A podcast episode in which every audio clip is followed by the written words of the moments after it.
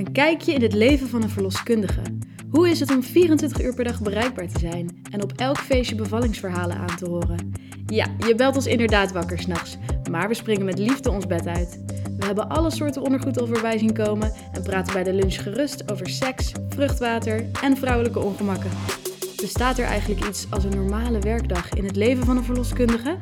In deze special hoor je alles over The Life of a Midwife. Nou, vorige keer was de eerste keer live of a midwife. Um, we hebben heel veel positieve reacties hierop gehad. Dat vinden we natuurlijk superleuk. Um, en al pratende kwamen we erachter dat de verloskunde bol staat van eerste keren. De eerste bevalling, eerste keer stage, nou, et cetera.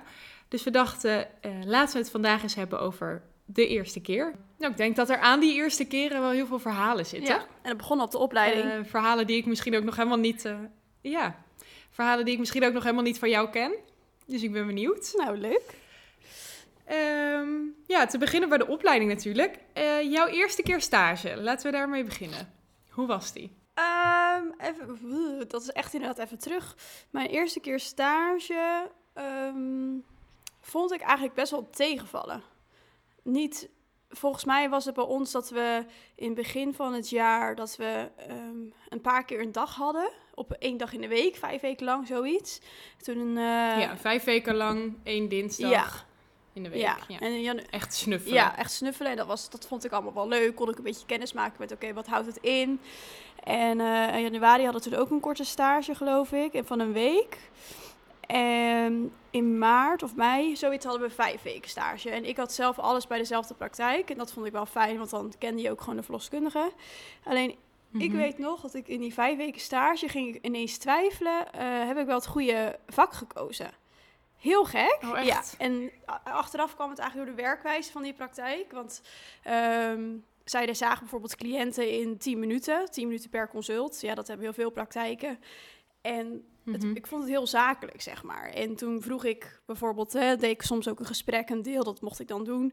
En dan zei ik van, joh, heb je zelf vragen of dingen die je wil bespreken?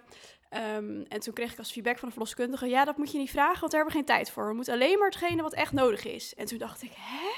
Maar ik dacht dat verloskunde eigenlijk heel persoonlijke zorg was. En hoe, hoe, waarom ja. uh, moet het op deze manier, weet je wel? En is het dan, vind ik het dan wel leuk? En ik ging ineens heel erg twijfelen.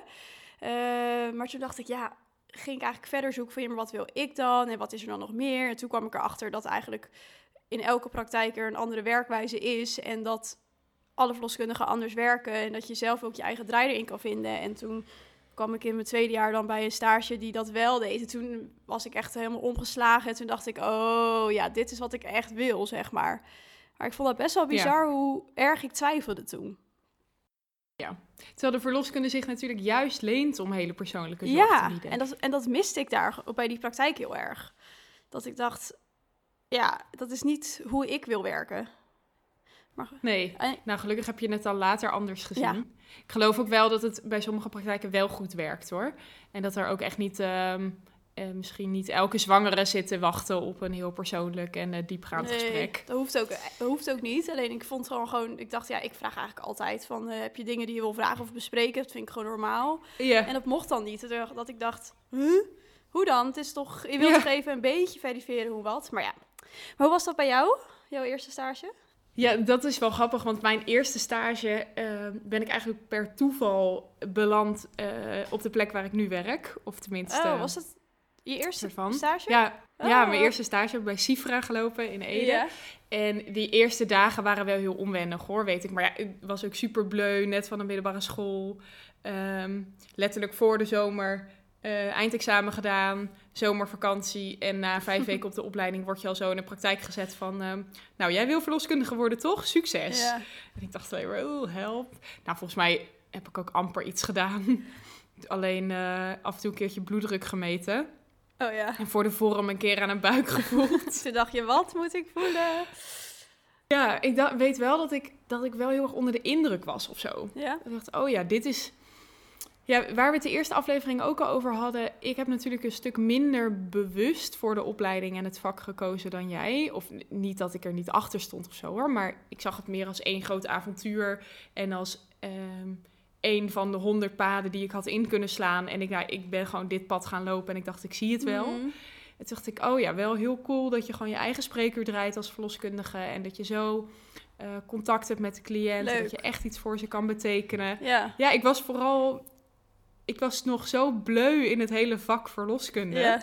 Dat ik overal, dat ik alles bijzonder vond. En eh, Dat is alleen maar mooi, Ja. denk ik. ja, nee, en ik heb dat geluk dan natuurlijk wel gehad dat, ehm, dat mijn eerste stageplek gewoon heel leuk was. Ja. Eh, dat ze me gewoon overal in betrokken. En ehm, ja, ik denk dat je dat wel nodig hebt. Je hebt iemand nodig die, het, die het leuk vindt om het uit te leggen. Mhm.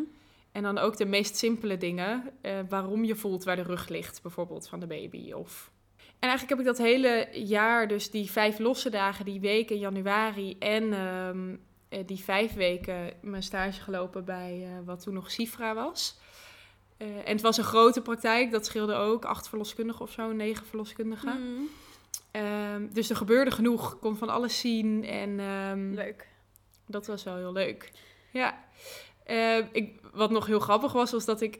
Ik kan me nog heel goed herinneren dat aan het eind van die vijf weken stage... die je aan het eind van jaar één hebt... dan nou, ga je toch al wel iets meer doen.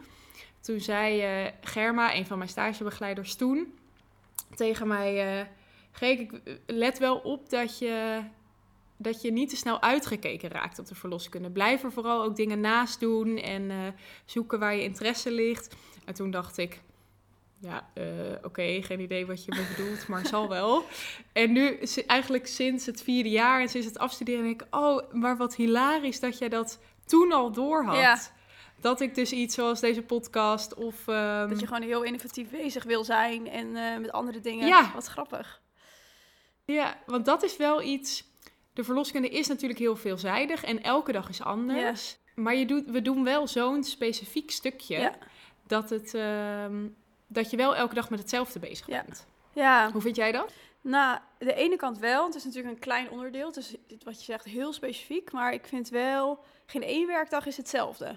Nee, nee en het zeker. is, je staat altijd wel weer voor verrassingen. En je hebt geen idee als je bij mensen binnenstapt wat je aan gaat treffen. En hoe dan bijvoorbeeld een bevalling gaat verlopen, zeg maar. Dus dat vind ik heel leuk. Maar Ja. ik ben ook wel iemand die altijd op zoek is naar nieuwe uitdagingen, zeg maar. Nu je dan klaar bent met de opleiding van, nou, hè, doe, eh, ik ben verloskundige. Dat ik denk, ja, ik wil gewoon meer ernaast doen.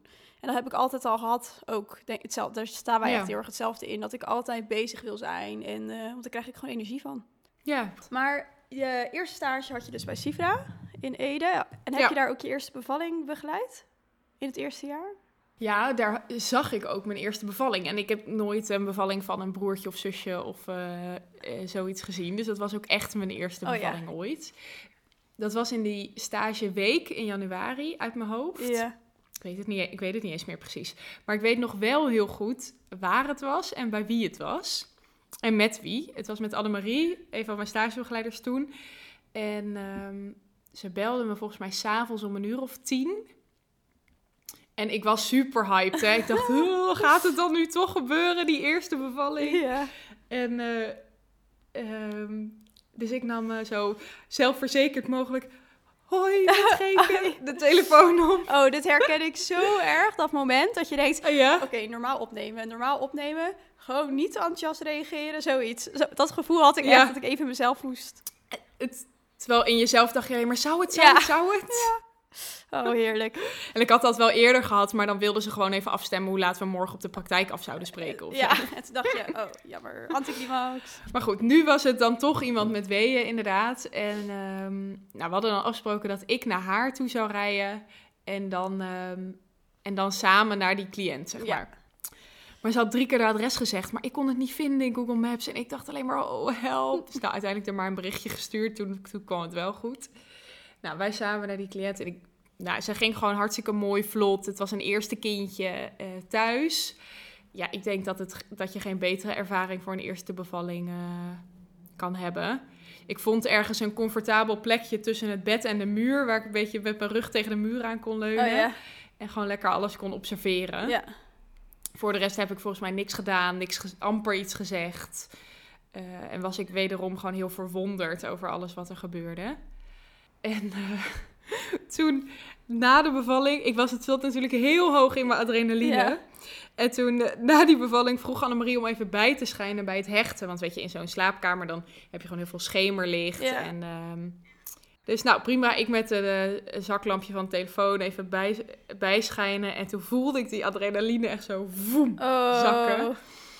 Maar ik dacht, oh, ik mag me niet laten kennen, ik mag me niet laten kennen. Kom op, blijf staan. Eh, En gelukkig keek de kraamverzorgster mij toen aan, die dan helpt hè, tijdens de bevalling. En die zei zo heel subtiel, eh, zal ik het even van je overnemen? Nou, ik ben volgens mij nog nooit zo blij geweest dat iemand dat aan me vroeg. Oh, toen kon ik mooi even op de trap gaan zitten op de gang en even bijkomen. Want pff, ja, anders was ik zo voor mijn stokje gegaan. maar het zijn super veel indrukken. Zeker zijn eerste bevalling. Dan denk je echt, oh.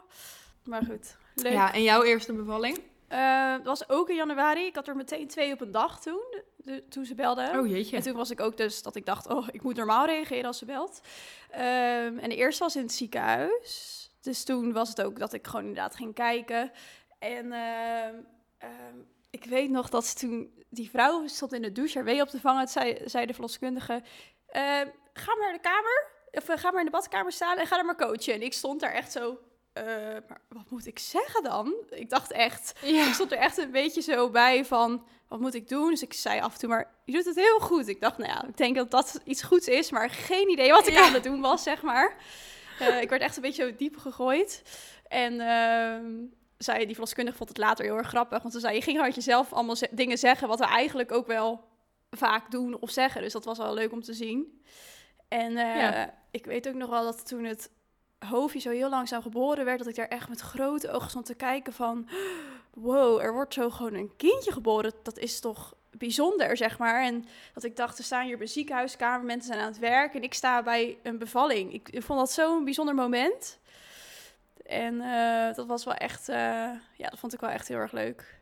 En toen volgens mij waren we in het ziekenhuis en toen werden we meteen gebeld voor een andere bevalling die thuis wilde. En toen moesten we echt, eh, het was in Spijkenisse geloof ik, moesten we echt vanuit Rotterdam en Spijkenisse echt plankgas gingen we. En die verloskundige was politie geweest. Dus die ging echt, Oh, echt? ja, en die had echt de snelheid erin zitten, zeg maar.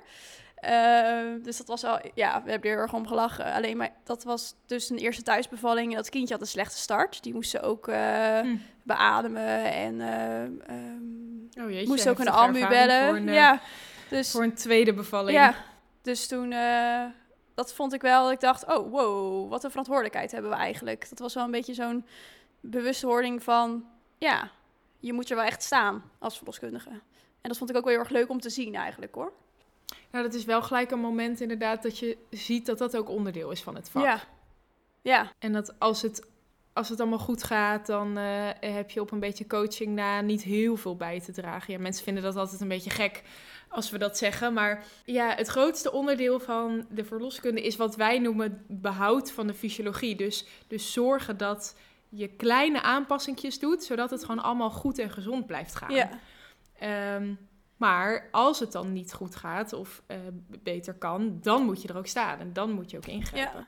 En heb jij een situatie gehad dat je dacht, ehm, de eerste keer spoed in je stage of daarna, dat je ook echt moest handelen? Ehm, de eerste casus die we meteen te binnen schiet tijdens mijn stage was een vrouw die in het ziekenhuis moest bevallen omdat ze bij een vorige bevalling veel bloed was verloren. Ja. is wel een leuk verhaal trouwens.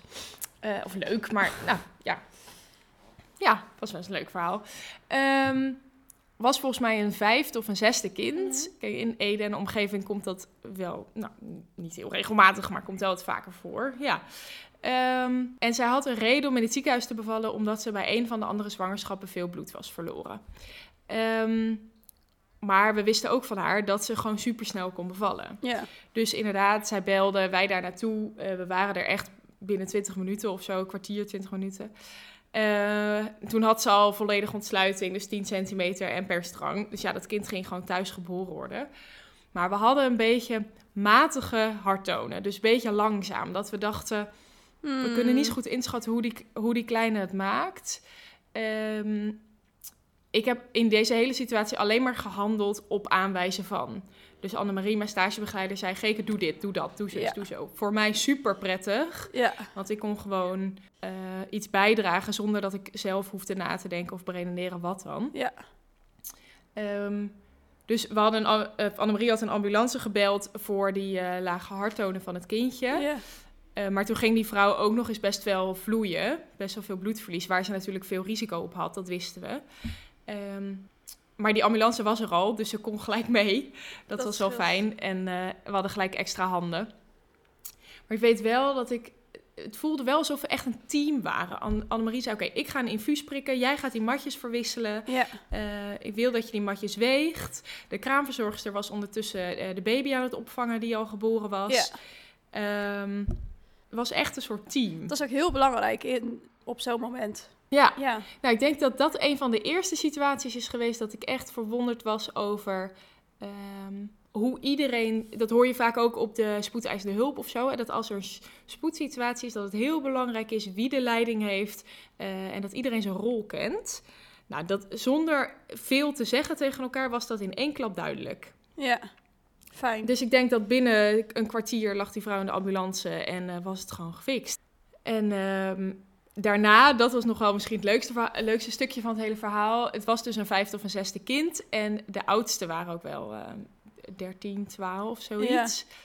En de kraamverzorgster had dat kindje ingepakt en uh, in een maxicoosje gestopt, zodat vader uh, met zijn eigen auto achter de ambulance aan kon rijden. En op dat moment, het was denk ik beetje s ochtends vroeg, werd de rest van het gezin wakker.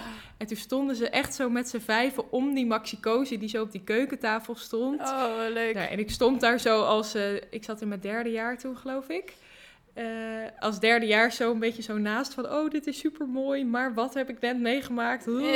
Er gebeurde gewoon heel veel tegelijk. Oh, dat snap ik. Nou, wel leuk verhaal. Ja. En heb je ja. na je afstuderen ook iets gehad dat je dacht... ik moest echt wel even schakelen van, nu moet ik handelen? Um, mijn eerste bevalling na mijn afstuderen was een placenta, die, of een moederkoek die niet vanzelf geboren wilde worden. Maar dat was verder niet heel spoedeisend. Nee. Het was gewoon, die vrouw had niet te veel bloedverlies. Of, uh, uh, dus dat vond ik niet heel heftig of zo. Um, mijn eerste keer veel bloedverlies in, bij een thuissituatie, dat vond ik wel echt pittig. Mm. En dat was ook een van de eerste situaties dat ik dacht, oké, okay, ik heb hier de leiding. Uh, dit is hoe ik reageer op spoedsituaties. En het zit er natuurlijk helemaal ingestampt op de opleiding. Yeah. Welke stappen je dan moet doen. En ik wist ook wel dat ik het zou kunnen. Ehm, maar tot die eh, dag wist ik niet hoe ik dat zou doen. Nou, en ik weet dus nu van mezelf dat ik heel kort en heel zakelijk ga eh, communiceren. Ja, eh, dus ik zal even bij het begin beginnen. Het was een, gewoon een hele mooie thuisbevalling. was helemaal geen bijzonderheden. Het was een derde kindje. En deze mevrouw had geen uh, risico, extra risico's op iets. Of uh, we zouden gewoon een mooie thuisbevalling begeleiden. Ja. Um, deze mensen waren christelijk en er stond een beetje van die evangelische muziek op de achtergrond. En het slaapkamerlicht was gedempt. Het was eigenlijk echt een hele romantische setting. Um, nou, toen was het kind geboren, deed het meteen hartstikke goed. Toen begon ze al gelijk wat ruimer bloed te verliezen. Dus ik was daar meteen wel alert op. En toen ging het eigenlijk binnen no time werd dat echt heel veel meer. Dus nou, bam, het grote licht aan, hele romantische setting weg. Ja. Kraamverzorgster deed het kind. Um, en ik ben gewoon stap voor stap die handelingen gaan doen uh, die je moet doen. Bijvoorbeeld zorgen dat de blaas leeg is, uh, bloedverlies wegen, dat soort dingen. Uh, vrij snel een ambulance gebeld ook. Ja, ik, weet nog dat ik het heel chaotisch vond voelen in mijn hoofd. Dat ik dacht, heb ik overal aan gedacht? Um, om me heen lagen overal spullen die ik nodig had of had gebruikt. Ja. Maar achteraf, toen ik die, die situatie ging evalueren met de kraamverzorgster en de kraamvrouw... toen um, zeiden zij juist van nee, je was heel gestructureerd en je communiceerde heel duidelijk en wel kort. En we hadden door dat er iets aan de hand was. Maar goed, ik vind dat dat ook mag. Ik heb ook wel continu tegen die, tegen die vrouw gezegd van joh, dit is er nu aan de hand. Je verliest meer bloed dan normaal. Ik heb een ambulance gebeld, nou, et cetera. Maar ik, ik, doe wel wat nodig is. En ik uh, ben vooral heel blij dat ik niet ben dichtgeklapt. Dat je hebt die uh, freeze, fight, flight. Ja, dus uh, bevriezen, vluchten of vechten. Um, nou, vluchten kan niet in zo'n situatie, dus ik denk dat geen één verloskundige dat doet. Maar dat bevriezen, dat kan je echt overkomen. Ja. Dat kan je niemand verwijten als dat je gebeurt. Ook als er iets op straat gebeurt en je ziet iemand staan en je denkt, waarom doe jij niks? Dat bevriezen kan je echt overkomen. En ik ben wel heel blij dat nou, in ieder geval in deze situatie, in volgende situaties natuurlijk misschien weer anders. Ehm, maar dat ik gewoon ben gaan handelen. Fijn is dat om te weten. Hè? Dat, dat heb ik ook echt gehad. En ook dat jij, wat jij zegt, het gevoel dat je dacht, dat ging echt mega chaotisch, maar dat dat helemaal niet zo overkomt. Want wat was jouw situatie waarin je dat voor het eerst merkte? Dat ik het voor het eerst merkte was na mijn afstuderen. Dat ik ehm, als een vrouw, die had uh, s ochtends om zes uur gebeld uh, met gebroken vliezen, geen weeën. Um, en uh, toen belde ze, denk ik, om half tien of zo, belde ze van... ja, ik heb echt weeën om twee minuten. En ik hoorde ook echt dat ze echt super veel weeën had. Dus ik was er meteen naartoe gegaan. En toen had ze 9 centimeter ontsluiting. Vrouw van een eerste kindje, dus best wel snel. Ja, echt weegsnel. En uh, nou, ik had gewoon goede harttonen op dat moment. Uh, dus het kindje deed goed. En die vrouw wilde eerst eigenlijk in het ziekenhuis, maar omdat ze zo vlot ging en zoveel pijn had, had ze zoiets, nou, ik wil liever thuis blijven. Dus uh, nou, ik kraamzorg gebeld, alles klaargezet, om, daarna nog een keertje geluisterd, het hartje ook prima. En toen uh, ging ze op bed liggen en toen uh, hoorde ik ineens koortonen van echt 60, maar echt, zeg maar echt dit zo. Dit hoor je ook echt mega langzaam, want ik dacht, hmm, wat is hier aan de laat, hand? Laat ze even horen hoe het, laat ze even horen hoe het normaal gaat. Uh, dan hoor je echt dit zo. Dus misschien wel heel snel ja, zoiets. Dus het was echt veel... Echt, echt, echt veel langzamer. Het was echt langzaam. Ja, dus ik dacht, nou, ja. misschien komt het kindje er wel gewoon aan, want hè, het gaat al heel erg vlot. En uh, uh, ik heb, had er toen even op terzij gelegd om even te laten zuchten, maar toen bleef het. Het, ging, het trok ook echt niet op. En het bleef ook zo laag. Toen dacht ik, nou, ik ga het toch even uh, toucheren. Dus even naar de ontsluiting voelen. Van misschien dat het kindje op de bekkenbodem staat. En dat hij ieder moment misschien wel geboren gaat worden. Maar dat was dus niet. Die stond echt nog heel hoog. En ze had eigenlijk nog steeds 9 centimeter. En toen ben ik eigenlijk heel vlot daarna ben ik eigenlijk al gaan handelen. Want wat was je plan? Ja, we moesten naar het ziekenhuis, was mijn idee. En zij lag op zolder volgens mij. Ze moest ook twee trappen naar beneden. Dus dat heb ik ondertussen al gedaan. Ja. En haar echt laten zuchten. Ik heb continu de korttoon in de gaten gehouden. Dus die één keer nog een beetje naar 105, 110 gegaan. Dat ik dacht, oké, okay, nu gaat hij ietsjes meer omhoog. Maar toen, mm -hmm. een minuut daarna, was het weer echt weer 60. Zeg maar weer zo langzaam. Dat ik dacht, ja, zij moet gewoon heel snel het ziekenhuis in. Ja, want je moet zien hoe het met het kind ja, gaat. Ja, en het was, ik heb ook gevoeld naar de pols van moeder. Hè, dat het niet stiekem moeder was. Dat ik bijvoorbeeld de verkeerde... -hmm. uh, het kan natuurlijk zijn als je luistert. Dat je... Uh, de harttonen van moeder voelt of hoort, maar niet die van de baby bijvoorbeeld. Dus dat is, uh, mm -hmm. of andersom. Dat is goed om altijd ja. te checken. Um, ik moet echt even graven hoe het precies is gegaan hoor. Maar toen zijn we eigenlijk heel snel, is zij naar het ziekenhuis gegaan en het was ook nog 20 minuten rijden. Dus ik had wel een beetje, mm -hmm. ja, ik vond het wel spannend zeg maar. Maar ik dacht, ja, dat kind gaat echt niet komen hier. Dus we moeten wel echt uh, het ziekenhuis in. Ja. En nou, ik kwam er wat later aan en toen lag ze dus aan het hartfilmpje. En toen was het eerste stuk was echt heel slecht.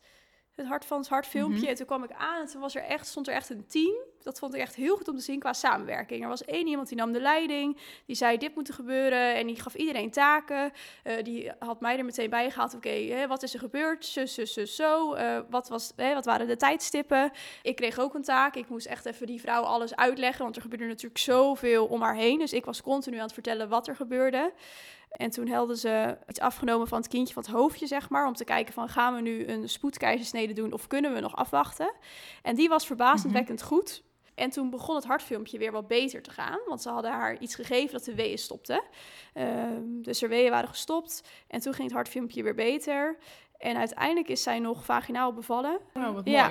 En het kindje had ook een goede start. Maar het was wel even dat, dat het echt schakelen was vanuit thuis. En ook nog daar dat we echt een beetje zaten... oké, okay, moeten we nu een spoedsectie of een spoedkeizersnede gaan doen? Of kunnen we het nog afwachten?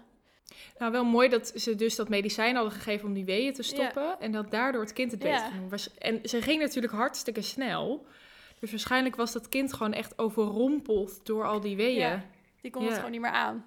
Ja, en dat soort dingen, ja, dan heb je gewoon het ziekenhuis ook voor nodig. En dan moet je ook gewoon handelen.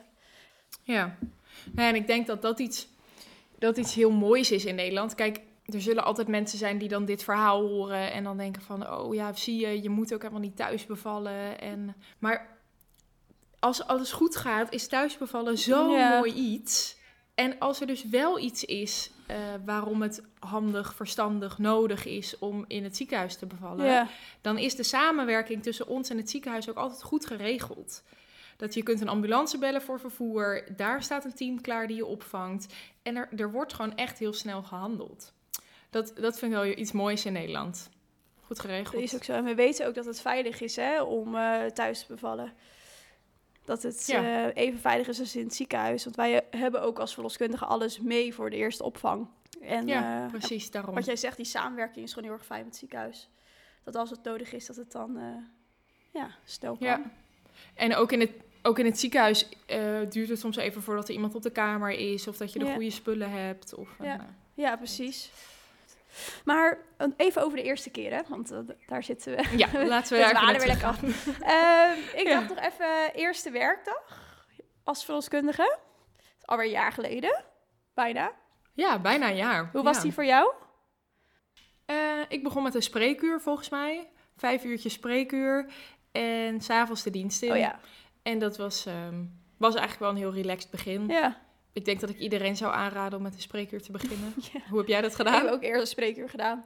En ik, moet, ik vond dat ook Ja. wel echt wel weer wennen hoor. Dat ik, het was dan mij een praktijk waar ik in mijn derde jaar stage had gelopen. Dus nou ja, ik kende de praktijk wel, maar ja, heel veel dingen weet je gewoon niet meer echt. En het systeem was ik ook weer een beetje vergeten hoe dat werkte. Dus ik weet nog dat het me zoveel energie kostte om gewoon weer ja, een nieuwe werkplek, zeg maar, om daarin te komen van alles wat er om je heen gebeurt, de nieuwe cliënten. eh, eh, ja, toch spanning die eerste werkdag. Dat je denkt, oké, nu moet ik het echt alleen doen.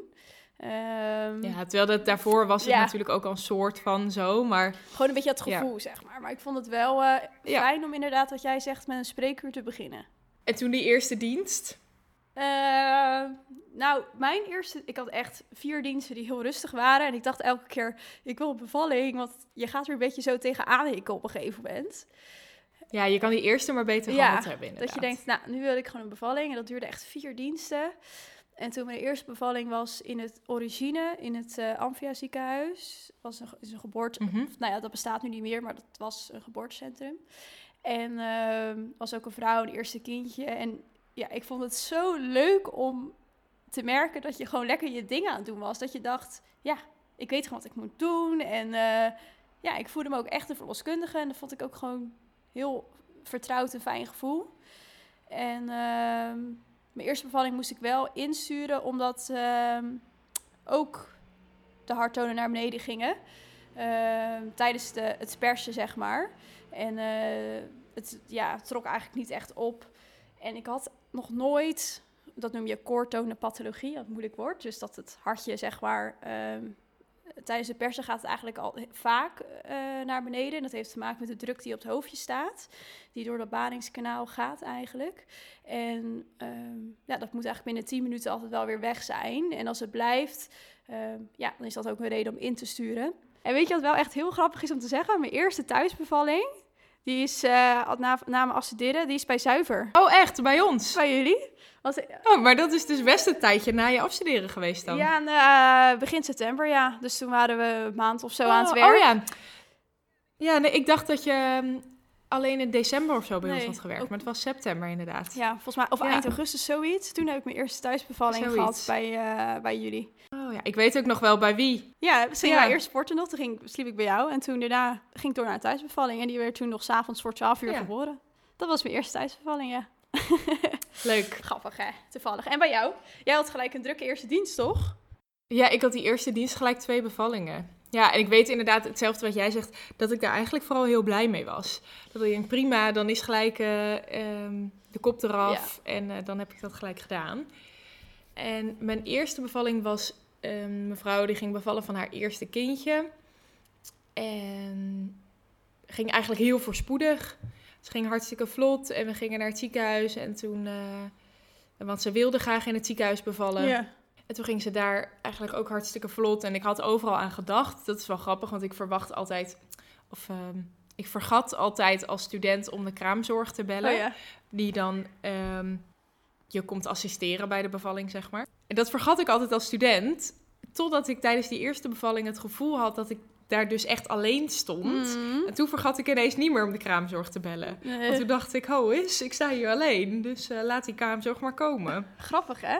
En misschien is dat dan toch, als je nog met een stagebegeleider bent, dan voel je je wat minder alleen of zo. Ja, en ik, ik had toevallig vorige week, heb jij ook gedaan, ehm, in de les gezeten bij de vierdejaarsstudenten, dus die over twee weken afstuderen. Ja. En toen vroegen ze ook van, ja, wat is nou het verschil na het afstuderen? En toen zei ik, je hebt veel meer overzicht. Want als een student Ja. ben je nog continu ook nog aan het leren en bezig met, oh, eh, ik moet hier aan denken en zus en eh, ik moet een situatiebeschrijving maken. En dan ben je verloskundige en opeens vallen alle puzzelstukjes bij elkaar. En wat jij zegt, dan heb je overzicht en dan weet je overal waar je aan moet denken. En je denkt er niet eens over na. Het gaat gewoon vanzelf. En dat vond ik heel grappig om te merken. Ik moest er altijd een beetje lachen als verloskundige het vergeleken met eh, autorijden. Ja, Dat, ze- dat je dat ook pas echt heel goed gaat leren als je je rijbewijs hebt. Weet je, je kan gewoon rijden en het is allemaal prima, maar de fijne kneepjes van het vak en eh, het overzicht en eh, dat ga je leren als je bent afgestudeerd. En dat gaat zo snel. ja. Dat is ook echt zo. Je, je leert zo snel als je, als je gewoon gaat. Ja. Dan kom je elke week wel weer andere dingen tegen. En ook heel veel dingen die je niet op je stages hebt gehad. Maar dat is prima. Zolang je basis maar gewoon goed is, dan komt de rest wel. Ja, ja. Leuk is dat hè, om te merken. Ja, want tijdens die eerste bevalling had ik dus een situatie. eh, Het was een hele eh, voorspoedige eerste bevalling. De kind werd ook eh, werd normaal geboren, eh goede start. Dus dat betekent dat het kindje het gelijk goed doet. Ehm, eh, normaal bloedverlies, alleen die placenta wilde niet geboren worden. Mm. Normaal gesproken wordt eigenlijk binnen een kwartier wel de placenta spontaan geboren en anders wel binnen een half uur. Maar deze bleef echt vastzitten. En dan heb je een paar dingen die je kan doen als verloskundige om te checken dat hij los ligt of om hem geboren te laten worden. Zoals een prik met medicijnen geven. Nou, eigenlijk had ik alles gedaan wat ik ongeveer kon doen. En toen waren we drie kwartier na de, eh, na de geboorte van het kind. Ja. En toen heb ik overgedragen aan de, de artsassistent, dus zeg maar de gynaecoloog in de opleiding, die, dat dan, eh, eh, die het dan van mij overnam. En die kreeg de placenta ook niet geboren. Dus toen hebben ze het eruit gehaald op de operatietafel. Ja.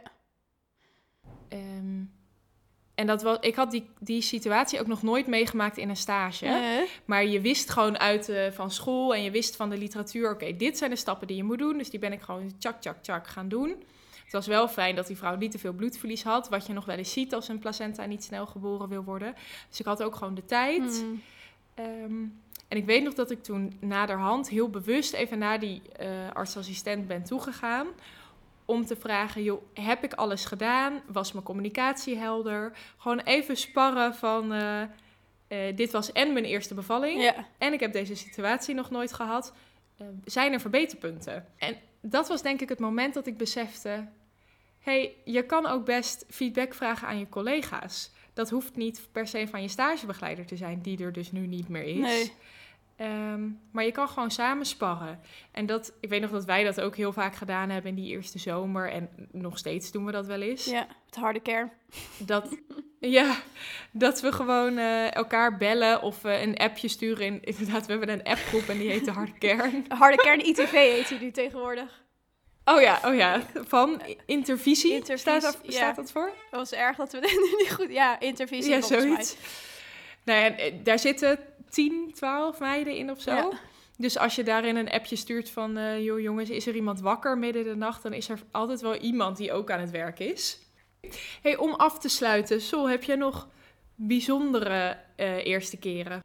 Ehm, nou, mijn bijzonderste eerste keer is denk ik dit jaar geweest dat ik ehm, een tweede bevalling heb begeleid. Eh, in de zin van, ik heb die vrouw ook begeleid bij haar eerste kindje. En dat was in mijn derde jaar stage in Oud-Beierland.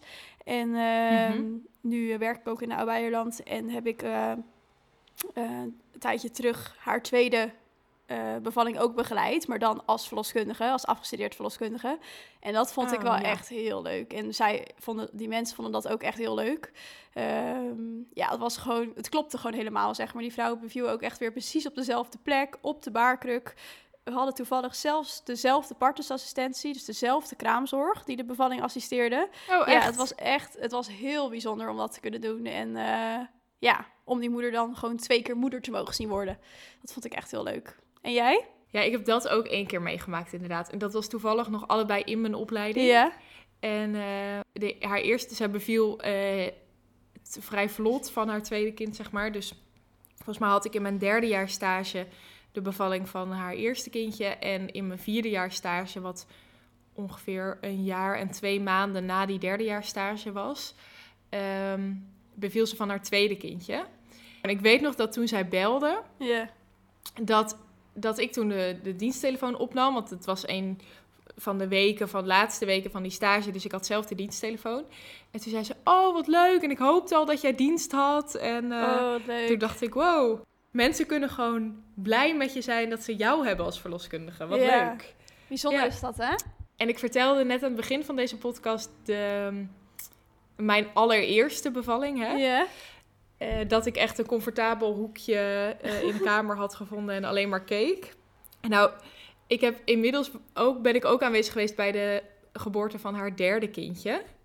Eh, en toen was ik wel afgestudeerd. Oh, wat leuk. Dus, dus haar eerste kindje was ook mijn echt eerste bevalling. En toen ik was afgestudeerd, kreeg zij dus haar derde kindje. Oh. En daar hebben we ook samen heel hard om gelachen. Ja, en ook een van de eerste bevallingen dus die je hebt gedaan na je afstuderen. Eh, nee, was in januari Oh, geloof ik. Februari of Nee, zo. valt mee. Maar wel heel leuk. Bijzonder. Ja. Nou, dat eh, waren een hoop eerste keren, denk ik zo. Ik hoop dat jullie het weer erg leuk vonden. Eh, we gaan deze afleveringen vaker maken over het leven van een verloskundige... om jullie gewoon een beetje mee te nemen in ja, ons dagelijks leven... en leuke, bijzondere verhalen met jullie te delen. Mocht je zelf nou ideeën hebben voor een aflevering die we kunnen maken over lijf of midwife... nou, laat het vooral weten op eh, onze ehm, social media kanalen of op onze website. Ja, en ben je nou zelf verloskundige of verloskundige in opleiding en heb je een leuk verhaal om te delen, dan zijn we daar ook natuurlijk altijd benieuwd naar. Dit was de podcast voor deze keer. Meer zwanger en zo? Je kunt ons volgen op Instagram, Facebook of onze website zwangerenzo, de podcast.nl. Tot de volgende keer.